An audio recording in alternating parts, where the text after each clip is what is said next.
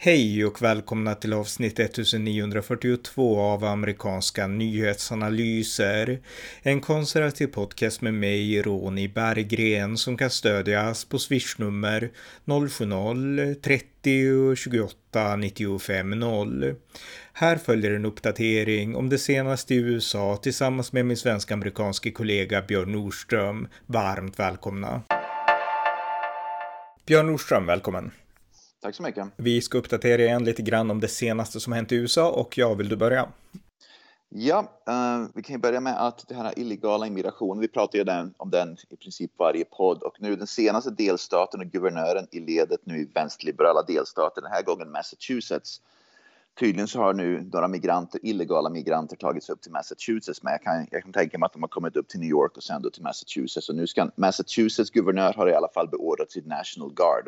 Uh, vad det heter nu på svenska, eh, som hjälp för att ta hand om illegala immigranter. Och det här är precis samma Massachusetts. Jag bodde i Vermont många år. Massachusetts är ju uh, vänsterliberalt och de har ju alltid gapat om vi är en sanctuary, en sån här, vad heter det, sanctuary state och allt sånt där va och, vi, och delstaterna i södern som Texas, Arizona och så vidare, va? De, är så, de är så hemska mot illegala immigranter och så vidare. och Så vidare. Va? Så kommer det upp tre stycken illegala immigranter i Massachusetts helt plötsligt och då får guvernören panik och då ska man sätta in då nationalgardet och så, så ringde hon Joe Biden i panik.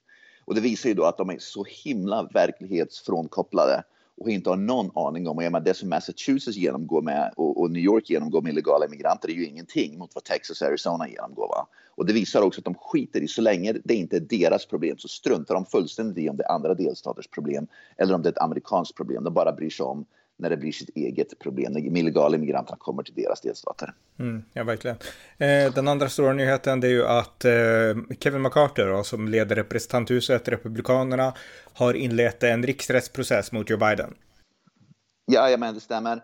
Uh, den kommer ju inte gå någonstans eftersom jag, jag gissar på att det finns ett par stycken, Republikanerna har ju tror jag fyra eller fem majoritet, i majoritet, majoritet med fyra eller fem röster då, personer i, i kongressen, i, i representanthuset. Och det finns ett par som jag förstår som inte vill göra eh, uh, den här impeachment då. Men jag skulle gissa på att den kommer att gå igenom i representanthuset. Men sen krävs ju då i senaten uh, två tredjedelar, med andra ord 66 uh, eh, senatorer för att rösta bort Joe Biden från presidentskapet. Det kommer ju aldrig att ske. Jag läste att uh, Tommy Tuberville från Alabama som är då en republikansk senator, han kommer inte att rösta för att få bort Joe Biden. Och, uh, så att de kommer inte få tillräckligt många röster utan det kommer att bli, precis som med Donald Trump, då kommer det bli massa tidslöseri och så vidare. Och så vidare. Men jag tror att det, det, finns mer bevis för att Joe Biden har gjort något fel, att Donald Trump har gjort något fel. Och det här som är grejen som jag vill bara nämna med Demokraterna. Om, om en republikansk president hade gjort precis samma sak som Joe Biden, och det här det handlar ju då om att han har varit involverad i då Hunter Bidens korruption med till exempel Kina. Vi pratade om det här förut, va? att Hunter Biden hade ju affärs, han, han hade ju affärsmöten med en massa korrupta kineser inom då den kinesiska regimen. Och för att bevisa då att den kinesiska regimen, deras intresse var att komma, komma närmare Joe Biden så att Hunter Biden lovade att om, om ni i princip, om ni om vi genomgår affärer med varandra så, så, kan, så kan jag koppla ihop med min pappa och till och med under sådana här affärsmöten då så ringde Hunter Biden pappa Joe Biden, det var när han var vicepresident under Barack Obama för ungefär tio år sedan. Då ringde Hunter Biden Joe Biden och Joe Biden bekräftade att Joe Biden minsann var Hunter Bidens pappa och han minsann då var då uh, vicepresident. Va? Så att det, det var extrem korruption. Va? Så om det här hade varit en republikansk president, då hade ju naturligtvis Demokraterna velat ha riksrätt omedelbart. Men nu eftersom det är Joe Biden så vill de inte det. Så Demokraterna är så jävla hycklare. Jag kan, förlåt att jag svär, men det, det, de är så vidare hycklare med det här. Nu vill ingen, alla, jag såg Chuck Schumer och Jim Jeffries försvarade Joe Biden en, omedelbart när, när då det här kom ut. Va? Vi försvarar Joe Biden, vi tänker inte genomgå riksrätt och vi tänker försvara Joe Biden. Det spelar ingen roll vad Joe Biden har gjort, han är oskyldig. Mm. ja, nej, nej, men alltså det är dubbelmoralen här som är så intressant. Och jag menar, ta till exempel Russiagate som där ja. fanns det ju inga bevis. Alltså det var ju Precis. lögner, totala lögner Precis. och ändå ältades det, på i två år liksom. Och eh, där fanns det inget som var korrekt. Här vet vi att Joe Biden har, alltså ja. vi vet ju inte exakt om han borde fälla sin riksrätt eller, men vi vet att hans son är korrupt, Hunter Biden, och vi vet att ja. han i egenskap av pappa har gjort hur mycket som helst för att covera sin son, liksom. Det vet vi. Så att, ja, eh, ja mm. Även med det här illegala vapnet som, då, som Hunter Biden Biden ska genomgå en rättegång för att han haft ett illegalt vapen. Så att det ena saken efter andra och det finns bevis på att Joe Biden har varit inblandad. Det finns inspelningar, det finns e-mails, det finns så mycket som helst. Va? Och tittar man på skillnaden då, svensk media, sen det här kom ut, jag har, inte, jag, jag, jag kollade igår om det finns någonting i svensk media om det, jag hittar i princip ingenting va? om att, att det var, ska gå riksrätt mot Joe Biden. När det gäller Donald Trumps riksrätt, det var ju innan ens riksrätten, liksom, innan de beslutade att de skulle göra riksrätt, allt det bara pumpades ut i svensk media. Donald Trump är korrupt, Donald Trump är det, Donald Trump är det, Russiagate, Russiagate, Ryssland, han äger allt det där va? och så visar det att allt var lögn och fel. Va? Men nu är det svensk media, ingenting är sagt om Joe Bidens korruption och vad han håller på med. De liksom, svensk media mörklägger allt om Joe Biden. Mm. Ja, verkligen. Eh, jag såg en intervju på Fox News med general eh, Frank McKenzie som då har lett eh, de amerikanska styrkorna. Jag vet inte om han är pensionerad nu, men han var i alla fall mycket, mycket kritisk. Det har ju varit 11 september till, eh, till. Joe Bidens uttåg ur Afghanistan när det dog, eh, hur många soldater var det nu, med typ 10 soldater eller någonting på grund av. Joe Bidens inkompetens. Så han sa att vi kommer, det här kommer att vara en mörk fläck i hela vår historia, sa han. Ja, jag, jag, såg inte just det där specifikt, men ja, det, det, stämmer nog. Men jag tror det var ännu fler än tio soldater. Jag tror det var ännu fler. Ja. Om jag inte minns fel. Det går att kolla upp det där. Men mm. jo, jo, precis. Men uh, vissa påstår väl då att det här kommer att kunna missgynna Joe Bidens, uh, vad ska man säga, omval, presidentsomvalskampanj. Men demokrater struntar fullständigt i sånt där. Så de som redan är demokrater och liksom röstar på Demokraterna struntar fullständigt i om Joe Biden tillät 10, 15, 20 soldater att mördas i Afghanistan när de drog, ut, drog sig ur. Det, det struntar Demokraterna i. Mm, mm. Eh, en annan sak jag glömmer det är att Ilan Omar som vi pratade mycket om för några år sedan, vi pratar inte lika mycket om ännu nu, men det föreslogs ett, eh, en resolution i kongressen i alla fall ganska nyligen och ja. den skulle då handla om att eh, att eh, stå upp för kvinnor och kvinnor i Iran och liknande. Och det handlar om den här dödade kvinnan i Iran, Masha Amini. Och eh, man ville då att folk skulle rösta för i kongressen då, för att stödja hennes rätt att liksom vara en kvinna i Iran. Och eh, gissa vem som inte röstade för? Jo, Ilan Omar, som är muslim och som är en känd liksom, islamist kan man säga. Hon röstade inte för resolution till stöd för eh, Masha Amini. Så det säger ganska mycket om henne tycker jag. Ja, visst, hon är ju emot kvinnors rättigheter. Hon hade, pass, eh, hon, hade hon hade passat in perfekt i Sverige med svenska vänstern. Det är precis samma sak. I Sverige påstår man sig värna om kvinnors rättigheter, precis som Omar påstår sig värna om kvinnors rättigheter. Men de väl ska få rösta om någonting för att stödja kvinnors rättigheter inom till exempel då just islam, då röstar man emot kvinnors rättigheter. Då vet man vart de står. Det är precis som svenska vänstern. Mm. Ja, precis. Något mer? Ja, Nancy Pelosi kommer att uh, göra en omvalskampanj. Hon är 83 år. Hon vill, hon vill gå vidare och, bli en, uh, och hamna i kongressen igen. Så hon kommer att bli 84-85 när hon, när hon kommer att köra sin omvalskampanj. Och det visar ju då de här eh, demokraterna, de här Biden 85 eller vad nu är, Elon Omar 85. Eh, uh, Diane Feinstein är väl 90 någonting nu, så att det liksom är den ena efter den Jag såg att Diane Feinstein, hon är, hon är totalt dement nu. Hon kan ju inte ens rösta i, i, i senaten längre, utan hon har människor, hon har hennes, hennes stab som hjälper henne att trycka på knappen som trycker på rätt knapp. Hon kan mm. inte längre rösta för att hon är, hon är helt enkelt totalt dement. Alltså hon är värre än Joe Biden. Ja. Nej men alltså Demokraterna, de kryllar av sådana. Diane Feinstein, vi har liksom John Fetterman och vi har liksom, ja, Nancy Pelosi är pigg visserligen, men när man är i den åldern borde man ändå tänka tanken att jag kanske är för gammal och så såklart Joe Biden. Så jag menar, de, de har det problemet. Sen en annan nyhet då, det är att Mitt Romney, republikanen, han har beslutat att gå i pension och han är väl kring 70 kan jag tänka mig. Eh, han är helt pigg i huvudet såklart, så det är inte därför, utan det är mer för att han har ingen politisk framtid längre i Donald Trumps parti. Men, men likväl, han går i pension så att eh, han kanske har tänkt till lite mer än Demokraterna. Ja, och så tittar man på åldern 70 år. Man kan ju också tänka sig att det är rimligt att släppa fram andra personer oavsett vem som styr partiet, Donald Trump eller vem det nu är. Så är man 70 år så kanske det är dags att gå i pension och släppa fram lite yngre förmågor helt enkelt. Mm. Och det är det som jag tror Republikanerna gör att de sitter i ett mycket bättre sätt än Demokraterna för de har många mer yngre förmågor som är, som är liksom i, i, rampljuset. Demokraterna har inte en enda. De har liksom negativa yngre förmågor som AOC och, och Elon Omar. Men sen har de de här gamla rävarna som Feinstein och Biden och, och, och, och, um, och Nancy Pelosi. Va? Så att det är egentligen bra att han går i pension oavsett varför. Just för att då kommer det fram ytterligare en yngre förmåga inom, inom Republikanska partiet. Ja, nej, men bara för att pressa på den punkten. Alltså det är verkligen så. Och eh, den stora föryngringen i Republikanerna, den ägde rum i Tea Party-vågen 2010. Då var ju alla de här som är liksom välkända idag, Ted Cruz Marco Rubio, de var unga då, nu är de lite äldre, men likväl, alltså det kommer en föryngring och den har fortsatt yeah. och den här föryngringen, den har, och det är det som skiljer Republikanerna från Demokraterna, den har avstamp i den breda konservativa folkmajoriteten, alltså de unga Republikanerna, yeah. det spelar ingen roll om du är 70, om du är 50 eller 40 eller om du är 20 liksom, du kommer att kunna identifiera dig med den unga personen, för ni har samma värderingar, samma åsikter yeah. liksom. Inom Demokraterna så är de yngre, konstiga, progressiva, som är liksom transgenders och som är liksom, eh, och visst, de har säkert stöd, men de har ju inte det här stora, breda, allmänna folkliga stödet, utan det är en nisch inom Demokraterna, en ganska stor nisch förvisso, men de har inte samma breda stöd, utan den här breda folkmajoriteten i Demokraterna då, den bärs upp av personer som är i åttaårsåldern. så att, ja. och jag är glad att du nämnde det, för min tanke är ju att den, vi pratar ju ofta om Joe Manchin, han är ju den som då är den vad ska man, mest normala mittendemokraten där, men han har ju varit, han har ju varit i senaten så länge så att han kan ju liksom, han kan ju vara normal i mitten då, va? men om det är en yngre demokrat, 25, 30, 35, 40 år, va? det finns inget utrymme för dig i Demokraterna om du, är, om du driver John Manchins politik, utan du blir uthetsad, du blir hetsad och hatad av vänsterfalangen, den pro, citattecken progressiva falangen, den mm. regressiva falangen inom partiet. Va? Så det finns inget utrymme för dig helt enkelt. Va? Men Joe Manchin finns det utrymme för, för han, han, är, han har suttit där så länge. Va?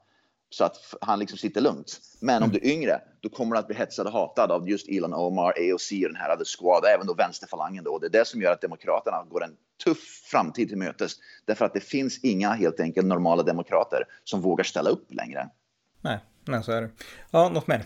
Ja, på tal om Sanctuary Cities. Uh, jag såg att Eric Adams som guvernör, eller guvernör som är borgmästare för New York City, bara för knappt år sedan så stod han och höll tal om att illegala immigranter, vi är en sanctuary city, vi välkomnar alla illegala immigranter. Det här finns på Youtube och vi, vi kommer att ta hand om oss och så vidare. Och så vidare va? Nu är knappt år, och det var innan Greg Abbott från Texas skickade upp illegala immigranter. Nu är knappt år senare så är illegala immigranter ett problem. All, uh, New York kommer att vara tvungna att dra in 5% alla myndigheter. Adams har nu beordrat alla myndigheter i New York City att dra in 5% på sina utgifter för att istället ta de pengarna för att betala för illegala immigranter. Nu är han totalt emot det. Så det visar ju det här hyckleriet inom Demokraterna. Vi är en sanctuary city, en sanctuary state och så vidare. Va? Så länge vi inte behöver ha något med illegala immigranter att göra. Men när vi väl får illegala immigranter, då är det ett stort problem. Precis mm. det här hyckleriet som vi nämnde tidigare. Va? Och det de gör då, att de, de alla myndigheter i New York City, varenda en, har blivit beordrad att dra in 5% och det gör ju att vanliga New York-bor som redan har en massa problem, de har, New York har ju problem med enorm brottslighet, hemlöshet och så vidare. Listan är lång på problem, sociala problem de har. Va? Samtidigt som vi pratar om att jag vet inte hur många miljarder dollar de har förlorat i skatteintäkter på grund av att folk flyr från New York till delstaten eh, Florida istället. Så nu mm. måste de också då, inte bara att de måste betala massa illegala migranter, nu får de mindre resurser för att ta hand om sin egen befolkning. Och det visar ju fullständigt galet allting är. Va? Men det är där de sitter nu. Ja, för att hoppa till galenskapen här i Europa. Eh, nyligen så höll EU-kommissionens ordförande Ursula von der Leyen, hon är från Tyskland.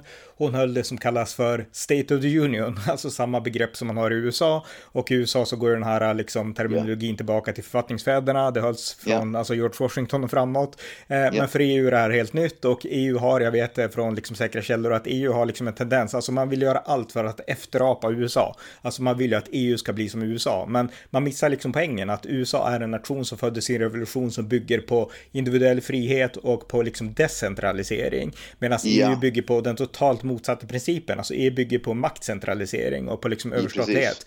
Ehm, och ehm, USA, det är liksom motsatsen till EU och det liksom går inte in i EUs liksom eh, ledare. Så att eh, det här var tal då där de pratade mycket om en grön omställning, om att husen i Sverige och i, i EU skulle göra en grön omställning och så vidare. Så jag menar, det handlar helt om att pressa pressa på politik uppifrån. Och eh, de här, eh, jag menar hon är inte folkvald, jag menar USAs president, man kan tycka vad man vill om Joe Biden, men han är folkvald. Det är liksom amerikanerna som har valt honom, om man nu köper att han vann legitimt. Medan Ursula von der Leyen, hon är inte folkvald alls, utan hon är vald av en EU-kommission som är vald indirekt av liksom, ja, politiska partier, alltså det, folket har inte valt Ursula von der Leyen. Så att eh, här har vi liksom en icke-demokratisk EU-ordförande, bara ordet ordförande, som styr över Europa och liksom dikterar det uppifrån och sen eh, vill leka att hon är någon form av liksom europeisk president och att EU är någon form av den europeiska versionen av liksom Förenta Staterna och eh, det kunde inte vara längre från verkligheten. Och det är ytterligare en sak som svensk media, som vi pratar om ofta, är så oerhört usel på och inte har någon kan hantera eller förklara för, överhuvudtaget då till exempel då mångmiljards SVT eller SR eh, till exempel då skillnaden på USA och EU till exempel, hur de fungerar och hur de drivs och liksom hur de grundades och så vidare och byggs upp och så vidare. Va? Det är mm. någonting som man aldrig läser i svensk media om utan precis som att svensk media aldrig pratar om hur till exempel högsta domstolen i USA faktiskt verkligen fungerar och så vidare. Och så vidare. Va? Så svensk media, återigen med den enorma budgeten de har, lyckas inte förklara skillnaden på USA och EU just precis som du förklarar. Va? Så jag vet inte om det har med inkompetens att göra eller med ovilja att göra. Förmodligen en kombination. De, de vill inte och de kan inte. Men det är samma sak att, att vi, vi försöker då tro att många, jag tror många svenskar tror att EU och USA det är väl ungefär samma sak, men har ingen aning om hur gräsrotsdemokratin och hur allt egentligen fungerar och den enorma skillnaden mellan just EU och USA. Mm. Och ett bra ett boktips för den som verkligen vill förstå den här stora skillnaden mellan EU och USA, det är den tidigare brittiske EU-parlamentarikern Daniel Hannans bok The New Road to Surfdom. Jag recenserade den 2010 och den handlar exakt om det här, om skillnaderna mellan EU och USA, hur han älskar USA, han är britt men han älskar USA, eh, samtidigt som han säger att vi måste, alltså Storbritannien måste lämna EU för EU är totala mot motsatsen till USA. Så läs hans bok, Daniel Hannans bok The New Road to Surfdom. Um, ja, vi fortsätter. Ja, om något mer.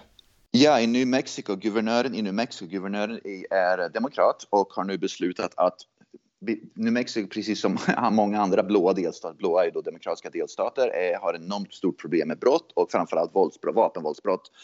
Så guvernören i New Mexico nu har bestämt att det ska vara förbjudet i New Mexico att, att bära concealed weapons, att ha liksom ett, även om man har då licens för att bära ett, ett gömt dolt vapen, man kan, ha, det, man kan ha licens för det, så ska hon förbjuda det nu i alla fall. Hon tror liksom att laglydiga människor som har concealed weapons, det är de som begår brotten. Vi pratar ju ofta om det, det är inte de laglydiga som begår brotten här, det är, utan det, är de kriminella med illegala vapen som begår brotten. Precis samma sak i Sverige, att ge sig efter jägarna för att stoppa vapenvåldet i, i Rinkeby. Det liksom är helt vansinnigt. Va? Det är fullständigt slår ju fel, men det liksom begriper ju varken sossarna eller demokraterna att det, det liksom blir fel. Va? I alla fall så sheriffen i delstaten New Mexico som inte är demokrat, han har gått ut och sagt att han tänker inte verkställa den lagen. Han tänker vägra ställa upp på den lagen därför att den kommer inte att funka. Den är helt fel och man ger sig efter fel människor. Och demokraterna, det här är ju intressant. Så Demokraterna börjar hetsa mot honom nu. Du, du stöder inte demokratin och du följer inte lagarna och så vidare. Kommer du ihåg när Donald Trump gjorde lagar och demokratiska guvernörer när, när Trump var president och demokratiska guvernörer vägrade ställa upp på de lagarna, till exempel med man ville då stoppa illegal immigration och så vidare. Och så vidare. Mm. Då, var, då hyllade demokraterna uh, guvernörer som vägrade ställa upp på Donald Trumps lagar. Då var det som att vägra Trumps lagar. Nu när det är en, en republikan som vägrar en fullständigt vansinnig lag, då helt plötsligt så, så vägrar de att, att då vägrar då, då sheriffen enligt demokraterna då att, att vad ska man säga, följa demokratin, att följa då rättsstaten. Mm. Så återigen, Demokraterna vänder kappan efter vinden och de är hycklar i allt de gör. Mm. Ja, verkligen, verkligen. Eh, ja, har du något mer? Ja, jag såg att vi pratar ju ofta om att skolresultaten i USA, framförallt i blåa delstater, återigen, i New York City är skolresultaten så oerhört dåliga. De, eleverna gör så dåligt ifrån sig i skolan i New York. Och jag såg nya siffror här att jag tror det var tredje elev eh, jag får kolla exakta datan här nu. 36,2 procent av eleverna i delstat, i, förlåt, i New York City, som andra var tredje elev i New York City, är i princip missar enormt mycket skola. Jag vet inte hur de säger mycket, men de har chronic absenteeism. Chronic betyder att de är, de är regelbundet frånvarande från skolan. Um, de, de, de missade minst 10 procent av skoldagarna. Så att New York City har enorma problem att elever missar skol, uh, skoldagar, att menar, eleverna bara skippar skolan. Va? Och sen samma New York City undrar sen var, varför går det så dåligt för våra elever i skolorna? De begriper liksom inte um, vad ska man säga, äh, korrelationen då mellan att om du missar en massa skola så går det dåligt för dig i skolan. Det, liksom, mm. det begriper de sig inte på. Va? Och det är typiska demokraterna att den rätta lösningen, och, och det visar också om så många elever, och vi pratade om det här också du och jag förut i poddar, om, om enormt många elever missar skolan, det visar ofta på att det är många föräldrar som bara skiter i barnens skola. Mm. Och det har vi också pratat om ett stort problem. Va? Med andra ord, om, om, om föräldrarna skiter i att skicka till ungen till skolan, va? det visar vad föräldrarnas inställning till skolan är. Och då vet vi att vart, vart är egentligen problemet? Problemet börjar i hemmet. Inte hos skolan. Nej, nej. Eh, sen kan man tänka då att de här pengarna som de lägger på illegala invandrare, alltså även föräldrar som är dåliga föräldrar skulle nog hellre se dem läggas på sina barn och på skolor. Ja, Absolut, men det gör de inte nu, utan nu kommer skolorna få ännu mindre resurser. Så att, vi nämnde ju det i förra podden, var det 19 000 lärare behövs nu, eller vad det nu var, i New York City för att, för att liksom uh, jag kommer inte ihåg vad det var, men att för, för det behövs, ja, tusen, ungefär tusen lärare behövs i New York City mm. för att uh, ackommodera då alla de här nya illegala migrantbarnen. Och, men, men, nu drar man ju ner på alla budgetar, inklusive skolbudgetar, så nu kommer det finnas ännu färre lärare, för nu måste man göra sig av med lärare därför att skolbudgeten dras ner. Alltså det är helt otroligt. Mm, ja. ja, något mer? Ja, uh, vi pratar om reparations i Kalifornien uh, och vi pratar om att det finns en taskforce i Kalifornien som gör sådana här reparations med andra ord att svarta som då oavsett, jag vet inte hur man ska göra, men oavsett så svarta ska då bli, vad ska man säga, få massa kontanter, massa pengar och massa, massa mark och massa hus och gratis då bara för att uh, det var rådde slaveri i Virginia för 150-200 år sedan. Typ. Mm. I alla fall majoriteten av, de, av, av, av väljarna i Kalifornien är emot, jag tror 59 procent av väljarna i Kalifornien var emot, är emot uh, reparations, bara 29 procent är för reparations, så det finns inget stöd. Um, för reparations i delstaten Kalifornien. Så att den, den är nog död. Den, den tanken och idén är död och begravd nu. Gavin Newsom som då är guvernör, han vill inte heller ha det. Nej, nej men det är bra och det visar att det finns folkvett även i liksom progressiva delstater som Kalifornien, där under ytan liksom. Även om de här särintressegrupperna hörs högst. Eh, ja. Något annat? Ja, uh, den senaste trenden nu bland kriminella är att unga kriminella som då ja, 14, 15, 16, 17 år. Det är väl därför de inte går i skolan, för de är ute och begår brott istället. De börjar nu ransaka då, vad ska man säga, göra såna här, um, vad heter det, smash and grab för, mot barer barer i, i, New York City nu. Så de springer in i barer och snor liksom allt de kan få tag i, i en bar, handlar sprit och vad det nu kan vara. Mm. Så att det, liksom, det, det, finns ingenting som är som är liksom New York har totalt spårat ur. Mm. Alltså man kan ju fråga sig de här New York-ledarna, politikerna liksom, varför vill de ha det så här? Alltså jag menar, New York är ju en stad som hela, jag menar, jag är inte amerikan, men jag menar hela världen har älskat New York. Det har liksom varit världens liksom häftigaste stad dit man vill resa på semester och sådana saker. Alltså vill man på något sätt medvetet att allt det här liksom New Yorks fantastiska rykte i världen, att det bara ska försvinna? Eller jag menar, för jag menar, det är det som blir konsekvensen när man tillåter en sån här utveckling jag tror inte man tänker så långt. Det är som att socialdemokrater tror jag inte heller tänker så långt. Vill vi att det ska komma in massa eller, muslimska män i Sverige och sen så ökar våldtäkten och kriminaliteten och vi ser ju det skedde fyra skjutningar i Uppsala på en dag, var det igår mm. eller vad det nu var jag tror inte man röstar för att det är det jag vill ha, utan jag tror man röstar på, jag röstar på Socialdemokraterna därför att. Det har jag mm. alltid. Liksom man, man, man, tänker, man, tänker, man inte, man tänker inte. Nej, man Nej. tänker inte längre, man ser inte konsekvenser, man tänker inte längre än liksom näsan räcker. Och då blir det sådär va. Mm. Så det är väl det som är nackdelen med en demokrati, folk har inget konsekvenstänk, man liksom tänker inte längre på att jag röstar, jag avskyr Jimmy Åkesson, därför röstar jag Socialdemokraterna, oavsett konsekvenserna. Mm. Precis. Ja, eh, jag har inget mer, har du något mer? Ja, jag har ett par saker till. Austin, eh, Texas. Så Texas är då en, en republikansk delstat, konservativ republikansk, men dels, eh, förlåt, staden Austin är extremt vänsterliberal. Och det finns ett ställe som heter Greenbelt i Austin, Texas. Det var tänkt liksom en, en, en, park då med massa träd och liksom fint område med grönt, grönska, fint område. Lite, tänk, typ så här eh, Central Park i New York, fast det är i Austin, Texas istället. Va? Mm. Och den parken i alla fall har blivit totalt förstörd av hemlösa nu som har slagit upp tältläger. Det är kanyler överallt, det är droger överallt, det är vapen, det är kriminalitet och det, det är liksom det är avföring och folk står och pissar överallt. Och, och det skräp precis överallt. Så deras, som sagt, deras Central Park, deras grönområde i Austin, Texas är totalt förstört nu på grund av att man har tillåtit då den här vänsterliberala tanken att vi ska låta hemlösa slå upp läger och göra vad de vill tänk det här att det som skedde uppe i Seattle, Washington för ett par år sedan, det har skett nu i Austin, Texas med. Mm, ja, Nej, men det är sånt där sker i Sverige också. Jag menar, det är även i liksom, jag menar, fina områden, Östermalm och så vidare. Alltså det finns ju inga liksom, fina områden i Sverige längre där det inte är tiggare eller hemlösa eller alltså liksom utländska liksom olika, ja, utländska personer som inte borde vara här liksom. Så jag menar, västvärlden förstör sig själv genom att göra så här. Ja, absolut. Eh, den sista grejen jag har är att i samband med att Kevin McCarthy har meddelat att han tänker gå vidare med det här riksrättsåtalet mot um, riksrätten då mot, mot uh, Joe Biden så har Vita huset beordrat media om att media ska börja granska uh, republikanerna. Så istället mm. för att de säger att istället för att media då ska få lämnas i fred och få granska vad de vill, va? då har Vita huset gett dem en order. Men det kan man media gör som de vill i vilket fall. Va? Men, men vänsterliberal media kommer förmodligen följa den ordern. Men Joe Biden och Vita huset har nu sagt att media går ut och granskar republikanerna. Med andra ord, gå ut och hetsa och hata mot republikanerna nu och mm. våra vägnar. Så att, så att, så att rampljuset kommer försvinna från oss och istället kommer mot republikanerna. Försök att hitta skit om republikanerna nu. Mm. Ja, så funkar media. Okej, okay, men tack så mycket yep. Björn. Tack. Tack så mycket. Tack för att ni har lyssnat på amerikanska nyhetsanalyser. En konservativ podcast som kan stödjas på swishnummer 070-30 28 95 0 eller via hemsidan på Paypal, Patreon eller bankkonto. Skänk också gärna en slant till valfri Ukraina-hjälp. Tack igen för att ni har lyssnat.